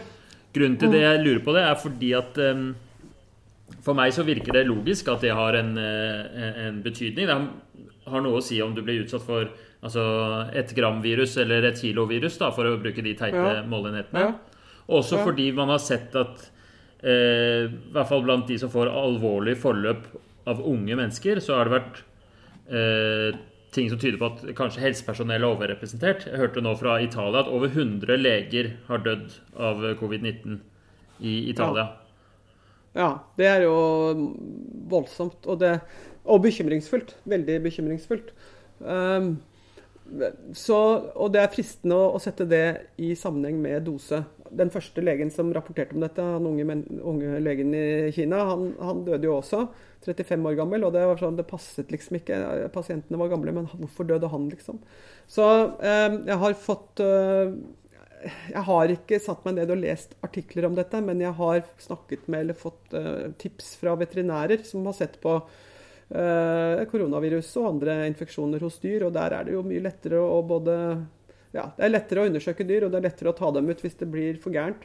Så der um, har veterinærene sånn som jeg har oppfattet det, en, en, en, forståelse av at uh, høyere dose med virus, dårligere forløp av sykdommen. Som en slags generell, et generelt fenomen, at det er en doserespons her. Og, og, det er jo intuitivt, det virker intuitivt riktig at hvis du får mange viruspartikler på en gang, eller over en kort periode, så vil det gi en større utfordring for kroppen din og cellen din og immunforsvaret enn hvis du får få. Altså Selvfølgelig viruset vil kopiere seg selv og ganske raskt spre seg utover, men, men det å få hvis du får ett virus inn i en celle, og den lager kopier, da har jo nabocellene allerede blitt advart. Kroppen er allerede blitt advart og begynt å bli satt i en slags eh, beredskaps situasjon. Ja, for det er et slags kappløp ikke sant? mellom virusreplikasjon og, og immunforsvaret. Og, immunforsvar. og ja. hvis da virus, viruset får en slags tjuvstart da, ved at veldig mange celler blir infisert samtidig, ja. så vil det jo så, kanskje lettere vinne kappløpet? Ja, da blir det et større problem for immunforsvaret, og, og kanskje kraftigere skyts må settes inn. Og, og, når man dør av betennelsen som foregår her altså, det blir jo, man, man, man dør jo ikke så mye av viruset som man dør av det forsøket immunforsvaret, makrofager og alt sammen gjør for å prøve å bremse det. Og, og, og jeg har jo beskrevet dette da som immunkaos. Så når du får dette immunkaoset, og det blir mye av det, så, så, så dør du av det, altså. Så, eh, og da er det immunforsvaret som dreper deg. Jeg tenker at det burde ha altså Hvis man finner ut at det stemmer, eller hvis man kan si med en rimelig sikkerhet at det har noe å si, så vil jo det ha litt sånn implikasjoner for hvordan man fordi sånn som de snakker om det i media, og sånn som øh, Når man liksom begrunner alle disse tiltakene, så snakker man det jo som om man er smittet eller ikke smittet. Men det der med at det kan ha noe å si hvilken, jeg, jeg, jeg føler at det burde øh, Det burde kommunisert litt tydeligere. Altså, ja, men altså det som, det som eh, Nå sitter vi og prater ganske fritt her, ja. og jeg spekulerer på ting som jeg ikke har sjekket ordentlig opp. Jeg ja. har det ikke ordentlig. ikke sant? Ja, jeg vet jo det, ikke det, jeg her gjelder. Mm. Nei, men, nei, men jeg bare prøver å minne den som hører på, og deg også, om at når vi sitter sånn og prater om dette eh, på et podkast, så, så, kan det være at det blir sagt ting som ikke nødvendigvis har hold i virkeligheten, eller vil vise seg å ha hold i virkeligheten. Bare så mm. det er liksom nevnt. Ja. Men samtidig så tenker jeg at dette formatet inviterer jo til å spekulere på eh, den informasjonsbiten man har, og kunnskapen man har fra før. Og eh, uh, det å bli fortalt at smittedosen er av betydning hvis du er en pårørende til en pasient med covid-19 da blir du kanskje mye reddere for deg selv, for da skjønner du at da er den pårørende jeg har her hos meg, det er en potensiell fare for meg, for jeg vil få mer virus, og da vil det være dumt for meg. Og så vil man på en måte bli redd for å være sammen med sine pårørende og hva det er for noe. Altså, liksom, Hvor mye skal man fortelle? Det som ja. vi begynte å snakke om her, da. NRK kommer med at kanskje blir vi ikke immune. Det er skremmende informasjon på sviktende grunnlag. Mm. Ja. Uh, og, og, hvis jeg, vi begynner å spekulere høyt, hva betyr smittedose? Så kan det også være skremmende informasjon på relativt sviktende grunnlag, fordi vi vi spekulerer om det. Det er sannsynlig at det kan være noe der, men når skal du begynne å si det høyt, og kanskje risikere at folk blir enda mer engstelige enn de er. Så ja, Men samtidig så er det jo relevant kanskje spesielt for helsepersonell, og, og også hvordan man skal tenke rundt uh, smitte... Noe? Hva er det for noe? Smittevern Sånn beskyttende utstyr og, og sånn? At, ja. At, uh, for, mm. Fordi at det, det, det, det må bekymre uh, flere enn legene som står midt oppi det, at, at helsepersonell dør etter å ha blitt smittet. Og un, relativt unge mennesker dør. Eh, det bør bekymre. Og, og, eh, og, da blir det jo ekstra viktig å, å rigge, rigge seg til slik at man har adekvat smittevernutstyr, adekvate masker osv. Ja. Jeg tenker også det kan jo være eh, hvis, man, hvis man i hvert fall har dette i mente hvis jeg hadde hatt en pårørende som fikk koronavirus, så ville ikke jeg tenkt sånn Ja, jeg blir jo smitta uansett, så da kan vi like så godt sove i samme seng, fordi nå har jo jeg blitt eksponert. Men Nei, jeg, jeg, jeg, vil jo tenkte, jeg tenker at det kanskje ikke er lurt, da. Og, Nei, ut fra, et, ut fra en betraktning om at det er bedre å bli smittet med lite virus enn mye virus, så burde det være sånn at, at man må ha respekt for denne smitten. Og vet man at man har den tett innpå seg, så må man prøve å begrense den så mye som mulig. Selv om det er en pårørende man ellers har mye med å gjøre. Og, og jeg for min del, eller eh, jeg og mannen min, hvis, hvis en av oss skulle få denne smitten, så har vi jo allerede pekt ut eller tenkt ut OK, da får du være der og jeg være der. For at, eh, det er ikke noe poeng å liksom si at nei, vi er alle i samme båt. Eh, nei. Han får, hvis det er han som det, så får han holde på med sitt, og hvis det er meg, så får jeg holde på med mitt. Og så får vi håpe det beste. ja. Eh, tenker jeg. Men, altså, men, er ikke, men, men jeg har jo ikke satt det i sammenheng med smittedose for min egen del i forhold til altså, nærkontakten med pårørende. Det har jeg ikke gjort. Altså. Men jeg har tenkt på det i forhold til helsepersonell. Og, og det har jo også vært masse fram og tilbake. Er dette smitte via luft? Nei, ja. Eh, og nå er jo konklusjonen at nei, det smitter ikke via luft, det smitter via dråper og kontakt med eh, overflater der viruset sitter. Det er hovedsmitteveien. Men på et sykehus, på en intensivavdeling, hvor det durer og går med maskiner og pumper og alt mulig, og pasientene er dårlige å produsere virus, og dette flagrer i luften, så får nok de som jobber der, eksponering også for luftsmitte, og trekker dette langt ned i lungene. Og så får de kanskje da viruset ikke etablert i øvre luftvei, men kanskje det kommer rett ned i lungene, og at infeksjonen starter der. Og det er ikke sikkert det er et bra sted å starte. Nei, jeg ser for meg det det er at også sånn eh, Veldig Hvis man bor veldig tett i små, dårlig lufta leiligheter Det kan jo også være Ja. noe av en grunn til at, eh, at eh, sånne type Også influensavirus da, rammer mer Mm. på vinteren. Det kan være en grunn til håp at om sommeren, så hvis vi lufter mer og er mer utendørs, så vil det være mindre liksom, tett luft og mindre sånn mulighet for at du har mye virus på ett sted. Kanskje. Nei, nå bare Ja, ja nei, det, nei, det har jo vært spekulert om om det kommer til å bli bedre til sommeren. Eh, og så har det vært vist til at ja, men i Kina så er det jo fortsatt det er jo sommer der, og det er mye smitte der, liksom. Men eh, Kina og Norge er jo ikke det samme. Og vi er mye mer ute om sommeren. Og, og det spiller sikkert en rolle, som du sier, om man er i samme rom. Altså Nå har vi jo begynt med sånn social distancing i stor skala her, så vi har hatt venner på besøk, og ingen går inn i vårt hus. Og jeg har ikke lyst til å gå inn hos noen andre heller. Så vi har vært ute i hagen, liksom. Med to meters avstand. ja. Uh, og vi tror jo ingen av oss at vi har eh, viruset, men eh, vi oppfører oss som om noen av oss hadde hatt det. Ja, det er noe å tenke på, det der med ja, heller Mm. møtes uten, ute enn innendørs, i hvert fall. Jeg syns det er vanskelig å være helt det er, Jeg syns det er ganske krevende å opprettholde denne fysiske distanseringen.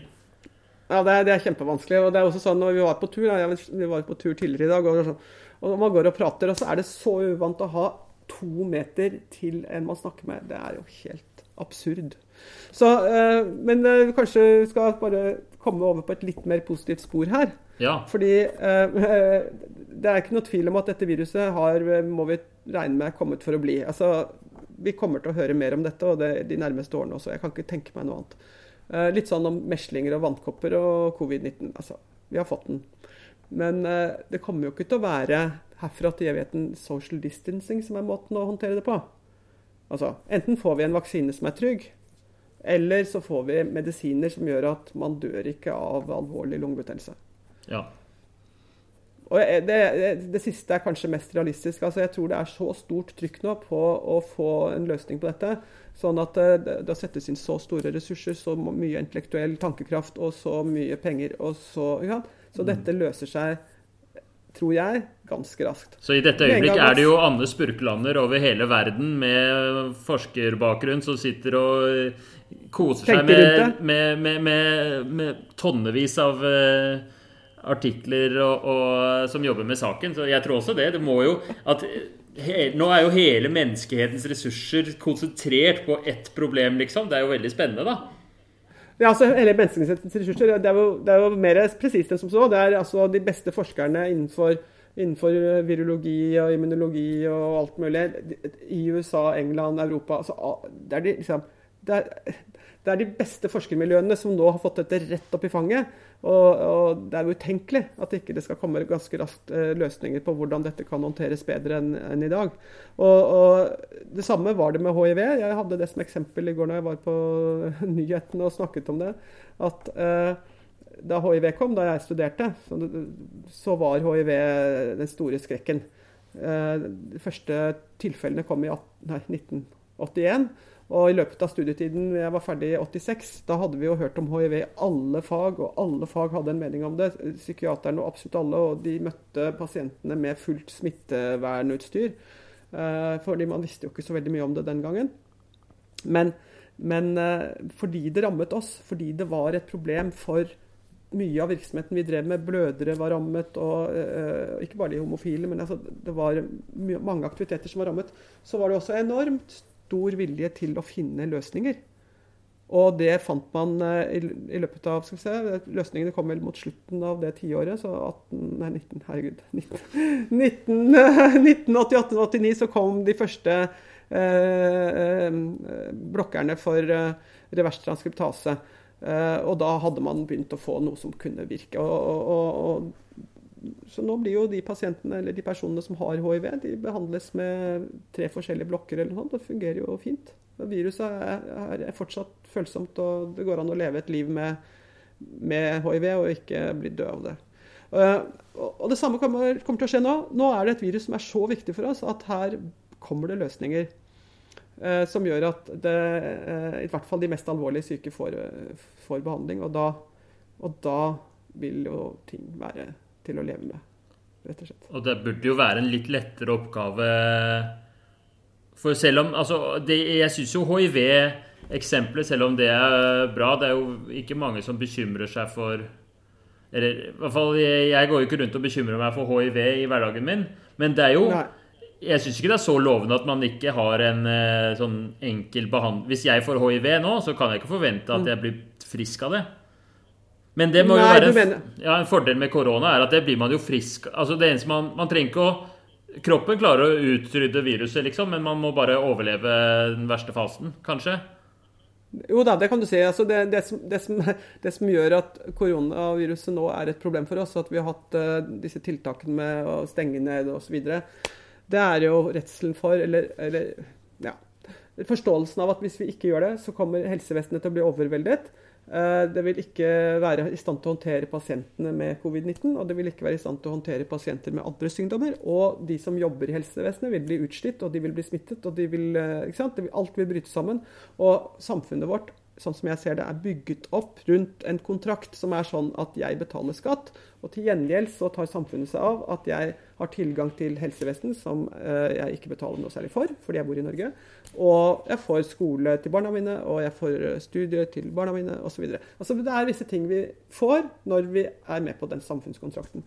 Og hvis helsevesenet bryter sammen, så er det så stort brudd på tillit at det i seg selv er et kjempeproblem. Så, så det, det, er helsevesenet som er årsaken til at vi har satt i disse tiltakene.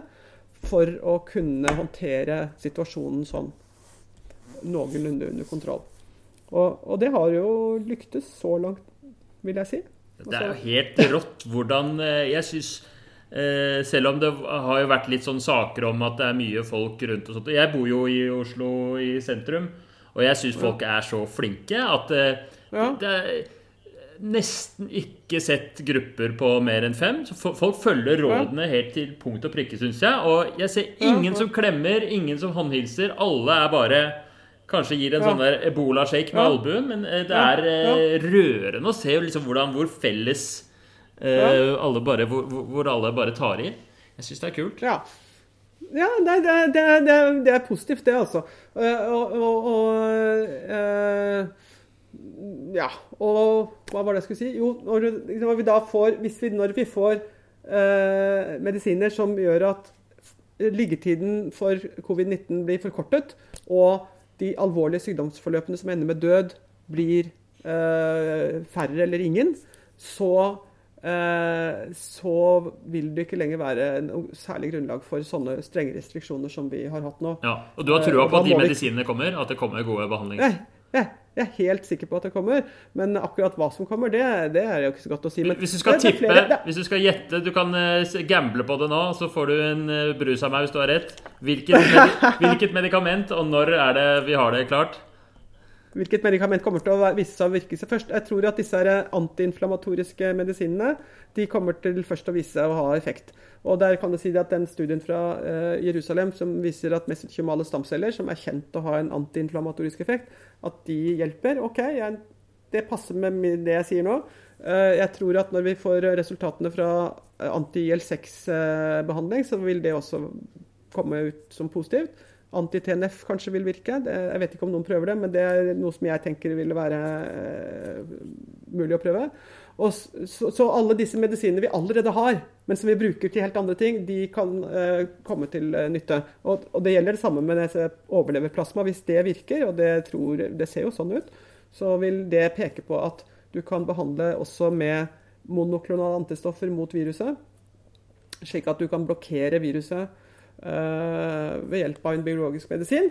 Og da vil det også eh, hjelpe. Og nå ser jeg at jeg har litt for lite strøm her, så nå må vi ha det blir en liten pause, for jeg må hente strømmen min. Er det greit? Ja, da tar vi en liten pause. Perfekt. Du hører på Medisinstudent Snap. La oss eh, gå kjapt gjennom en- et par spørsmål til. Jeg har fått Ja. også noen innsendte. Ja. Et spørsmål er hvorfor er eldre så hardt rammet og barn så svakt? Og eventuelt hvilke andre sykdommer oppfører seg på samme måte?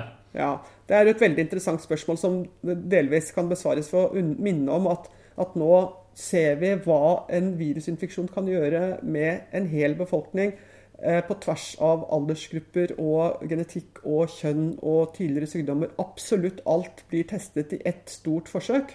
Og, eh, og da syns jeg ikke det er overraskende at det går dårligere med de som er eldre, og bedre med barn. Fordi eh, det eh, vet vi også fra barnesykdommer, som da nå rammer bare barn, men som eh, da sykdommene kom inn i, i eh, menneskeheten Meslinger, f.eks. Første gang meslinger dukket opp. Sikkert også en zoonose som flytta seg fra dyr til menneske, så kan det ha gått utover alle. Men nå er jo vi voksne immune pga. vaksinasjon, eller fordi vi har hatt meslinger.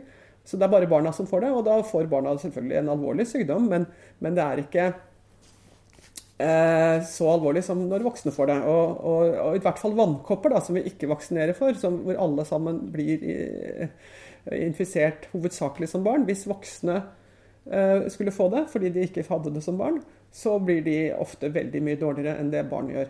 Så, så det er mange eksempler fra tidligere som er i samme retning. At barn tar en del av infeksjonene lettere enn det voksne gjør, voksne gjør hvis voksne får sykdommen seinere. Kan Ja, så på generelt basis På så er det et eller annet med barnets immunforsvar som Ja. gjør at eh, det ikke så lett eh, lar seg herse med av et helt nytt virus. Men Ja. hvis et helt nytt virus kommer til en, en gammel person, så er Ja. man plutselig litt dårlig Ja, forberedt. jeg må jo bare minne om at For et barn så er alle virus helt nye. så Når man er helt nyfødt, så har man jo ikke sett noen virus i det hele tatt. Og så er liksom jobben å bli immun da, de neste årene. Så Det ene viruset etter det andre kommer inn, og barnets immunforsvar bare tar det på strak arm og håndterer det og blir immun. Så, så det er det et barn driver med. Mens voksne har jo da fått etablert et tilpasset immunforsvar som passer med det miljøet som omgir personen. Og, og det er heller ikke så mye plass eller fleksibilitet i, igjen i immunforsvaret til å håndtere enda en infeksjon.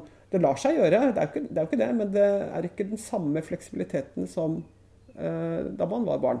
Eh, og det går det an å forklare ut fra det tilpassede immunforsvarets eh, egenskaper. Altså, det er bare plass til en viss mengde lymfocytter i kroppen. Hvis det blir mer lymfocytter, så har vi en leukemi. En kronisk eh, eller akutt eh, lymfatisk leukemi. Så det, det, eh, det skal jo da unngås. Så, så det er opp til et visst nivå, og ikke mer. Og Det betyr at når vi da har laget et visst eh, antall med erfarne lymfocytter som kan håndtere de forskjellige infeksjonene vi har hatt, så er det ikke plass til å lage så veldig mange flere av de når man er blitt voksen. Så, så det syns jeg går an å forstå. Men i tillegg så er det nok noe med dette viruset og barn som kanskje har med denne AC2-reseptoren å gjøre, som, som da muligens gjør at barn ikke blir smittet i det hele tatt, fordi eh, viruset og reseptoren og barna passer ikke så godt sammen. Og ak akkurat hva det er for noe, det, det vet jeg ikke. altså Jeg har ikke lest noe om det. Men det spekuleres litt på om det har et eller annet også med hvor mye er det, den reseptoren uttrykt, og kan det forklare noe av forskjellen mellom barn og voksne? Spennende. Det gleder jeg meg til vi får svar på. Mm. Eh, Jeg har et spørsmål til. Jeg hørte fra en som jobber på, mm, på føden, at hvis en eh, eh, Hvis man er gravid og man har covid-19 under fødselen, så blir man da isolert fra barnet første i to uker eller noe sånt. Nå. Jeg syns det hørtes bare så grusomt ut. Ja, Men eh, kan du noe om det? Graviditet og covid-19? Hvorfor, hvorfor man isolerer mor, nei, barnet fra mor hvis mor har covid-19? Ja, det Jeg tror det kanskje skyldes at man ikke vet så veldig mye om covid-19 og barn og graviditet, så dette er et føre-var-tiltak. Eh, man vil ikke risikere at barnet blir ekstra sykt uh, pga. det viruset. Mor har ikke antistoffer i morsmelken mot covid-19-viruset, så barnet har ingenting beskyttelse derfra. Så jeg, jeg vet ikke helt hvordan de tenker, men, men det, eh, jeg tror kanskje dette har litt sånn føre var-tankegang som er ute og går der. Eh, og så kan det vel også være at man har sett noen nyfødte som har blitt dårlige av viruset. Det er mulig at det finnes sånne rapporter òg. Men når du snakker om å bli isolert eh, og være pasient og ikke få være sammen med sine nærmeste, så syns jeg det er mange eksempler i forbindelse med denne covid-19-pandemien og hvordan vi nå har håndtert det hittil, hvor folk er isolert fra sine nærmeste. Man behøver ikke å være nyfødt eh, barn og, og, og, og nybakt mor, men eh, man, det er nok å tenke på alle de gamle menneskene som ikke får treffe sine nærmeste fordi de ikke skal få smitten inn på sykehjemmet. Det er veldig, veldig mange som nå ikke får treffe de aller nærmeste i situasjoner hvor det hadde vært veldig naturlig å treffe dem hver dag. For eksempel, Ja, det er vel kanskje de største Eller et, en, villig, en gruppe som ikke har det særlig greit. eh, Nå Ja. er jo de på sykehjem. Ja, det er, besøke- ja, det er et sykehjem, ja, men, men jeg har eh, en tante. Jeg har fått lov å fortelle det. Hun er alvorlig syk. Og de siste fire ukene med lockdown så, så har hun ikke truffet sine nærmeste. Hun har vært alene i en alvorlig syk tilstand og ikke fått treffe noen av sine nærmeste. Og det syns jeg er, er forferdelig, men hun er på ingen måte alene om det. Ja. Så, så, så, så da syns ikke jeg at det er så ille å være nybakt mor og fått et friskt barn og ikke få se det på to uker. Jeg, jeg syns det er verre eksempler, faktisk. Jeg, jeg, jeg er litt kynisk, men jeg syns at av alle eksempler var ikke dette det verste. Ja, men det er bra. Et eh, spørsmål til. Eh, du har kanskje hørt om det Jeg så på Dagsrevyen forleden at Norge sender et sånt team, det er kanskje sendt allerede nå, Ja. ned til eh, Nord-Italia med 22 veldig erfarne leger og sykepleiere som har erfaring fra ebola-krisen og diverse forskjellige tidligere epidemier, og som skal ned og jobbe. Hva, Hva syns du om det? Ja, det er jo litt paradoksalt at vi skal sende helsepersonell til Italia når vi holder på med denne krisen selv, men det er vel et overskuddsfenomen. Altså, da betyr det vel at vi i Norge har klart oss ganske bra. Og jeg har vel også lest om det på den måten at vi har ganske god kontroll eh, hjemme. Og, og i Italia så har de et eh, helsevesen som har delvis eller helt brutt sammen, og mange er slitne. Og det å få ressurser og, og moralsk støtte fra et annet sted, det, det er en håndsrekning. Og så er det også begrunnet litt ut fra at italienerne har jo vært villige til å fortelle oss om hvordan de, hva de står i, og, og gitt oss informasjon, eller gitt helsevesenet informasjon som har vært nyttig i planleggingen av hvordan det skal håndteres her. Så det er vel en sånn slags payback-tankegang også som ligger bak. Så ja, jeg syns det er fint. Og jeg tror vel kanskje også at en del av de som har reist dit, allerede har hatt covid-19-infeksjon, så de er blitt immune. Så de er ikke så utsatt heller når de skal ned i dette heksegryten. Det hadde jeg ikke hørt. Nei, en av de har altså, en av de har stått Ja. fram i avisen og sagt eh, at jeg har hatt det, og jeg drar til Italia. Jeg tror kanskje ikke Det det er gjelder alle. jeg altså. syns det er helt rått. Jeg blir så stolt av eh, det, virker det er jo som en film å sende ned sånn derre superteam av de beste legene og sykepleierne og helsearbeiderne vi har, liksom. Ned i sånn derre SWAT-team. Ja, ja. ja, ja. Nei, men det er, det er akkurat det poenget at når du har gjennomgått infeksjonen og fått antistoffer og er eh, immun, eh, forhåpentligvis, så er det jo da veldig nyttig eh, til å kunne hjelpe til med å håndtere pasienter og, og, beskytte de som eh, ikke skal bli smittet. Så Men hvis du hadde, la oss si du hadde hatt, eh, gått gjennom eh, en koronainfeksjon, og hadde du turt å jobbe Men du hadde jo fortsatt hatt på maske og sånn, eller hadde du tenkt sånn Nei, det trenger jeg ikke? Hvor eh, sikker hadde du følt deg på at du var immun? I utgangs- utgangspunktet så hadde jeg jo tenkt at eh, dette var jeg immun, men vi har jo nettopp tidligere i denne podkasten diskutert litt løselig at det er kanskje mulig at de antistoffene kan gi sykdom også, slik at det å bli reeksponert kanskje ikke er gunstig. Det fins eksempler på det, altså når vi først kommer tilbake til den tråden. Det, jeg har en eh, venn som bor på Sri Lanka, og han ble lagt inn på sykehus med dengue-feber. Og da ble jeg ledet til å lese om det, og da ble jeg litt betenkt. Fordi dengue-feber er sånn at du blir infisert, og så får du antistoffer. Du blir ikke noe særlig syk. Og så blir du infisert for annen gang. Det er jo en sånn myggeoverført uh, virus. Og da kan du få alvorlig uh, sykdom. Og det skyldes antistoffer mot den første runden med infeksjon. Altså Denguefeber er verst andre gang du får det. Ja, det er det. det, er ikke, det er, hvor mange sånne eksempler som fins, vet jeg ikke, men det er i hvert fall ett eksempel. Så, så, Er det et virus òg, eller? det er, også, det, er, det er også et virus. Og akkurat hvorfor det er sånn, det, så langt gikk jeg ikke ned i materien. Men øh, øh, så dessverre, det burde jeg jo kanskje ha lest meg opp på nå som jeg begynner å lure på om vi går i den retningen når det gjelder covid-19. Iallfall i noen sammenhenger. Men det, det, det er sånn at influensa ja. Mm, Nei, det er bare sånn at jeg, jeg, jeg, jeg ville nok ikke skrevet dette ennå.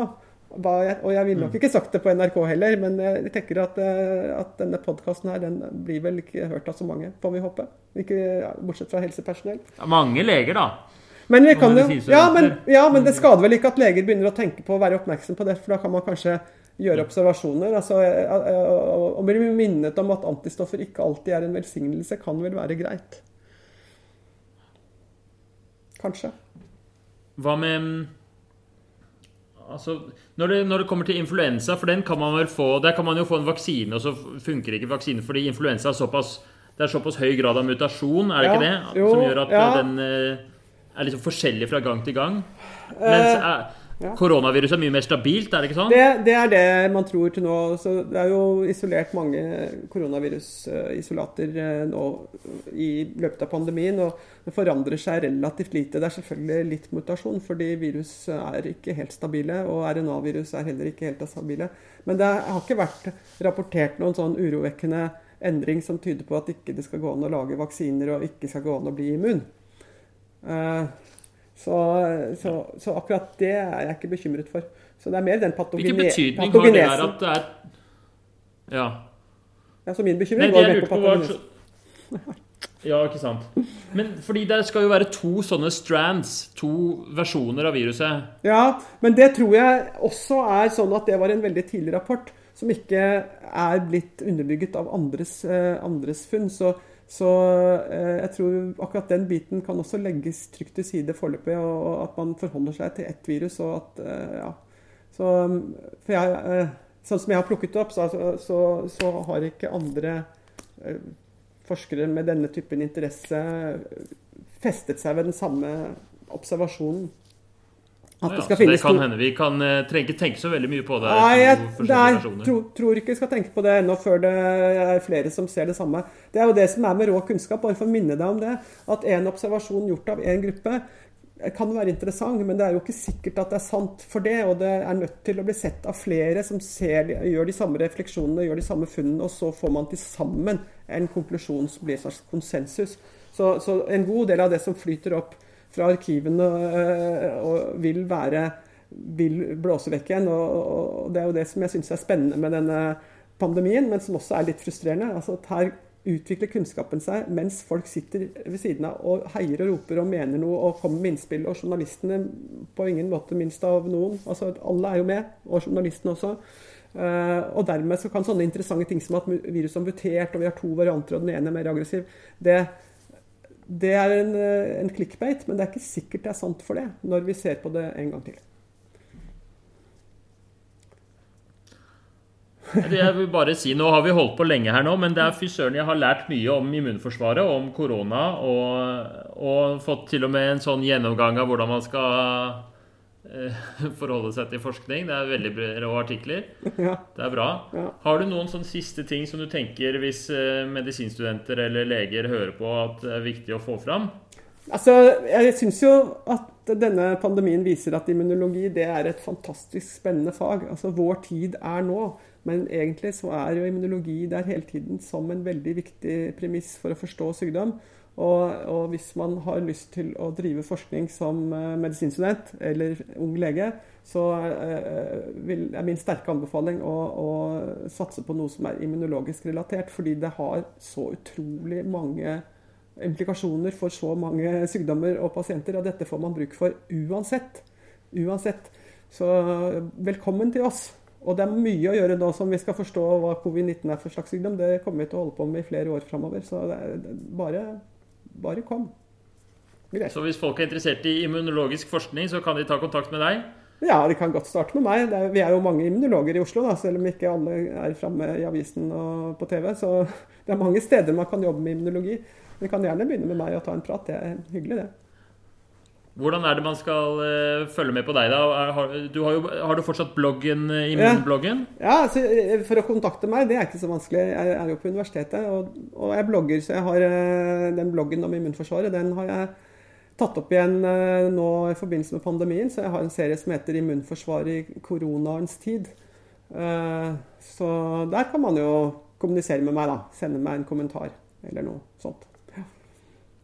Og så er det vel verdt Kanskje vi kan reklamere for boka di òg, 'Immun'. Oh, ja. du har jo ja, fint at du nevner boken, for jeg syns jo at den boken den viser hvor uh, Altså, den, den, heter 'Immun kampens, kroppens evige kamp for å overleve'. Og det som gjør Altså, det som jeg synes er interessant med denne pandemien, og som boken absolutt understreker, er at immunforsvaret det er der av en grunn, nemlig at vi har overlevd alle tidligere eh, konkurranser med alle andre levende liv på jorden.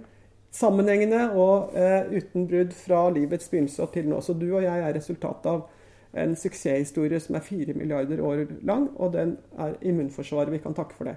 Så eh, vi har en stund glemt at vi har et immunforsvar, og at det beskytter oss mot sykdom, men nå blir vi minnet om det igjen. Så covid-19 forteller oss veldig tydelig at at nå er, det, eh, nå er, det, immunforsvaret som gjelder. Og det er ikke helt sikkert at immunforsvaret klarer brasene, for det går an å dø av covid-19.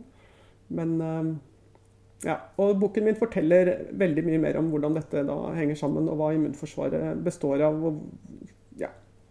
Så den passer å lese nå. Absolutt. Ja. Og hvis du vil ha pause fra immunforsvaret, så kan man lære seg å lage kaker også av de kakebøkene dine. Den har mamma lest. Den der frie kaker.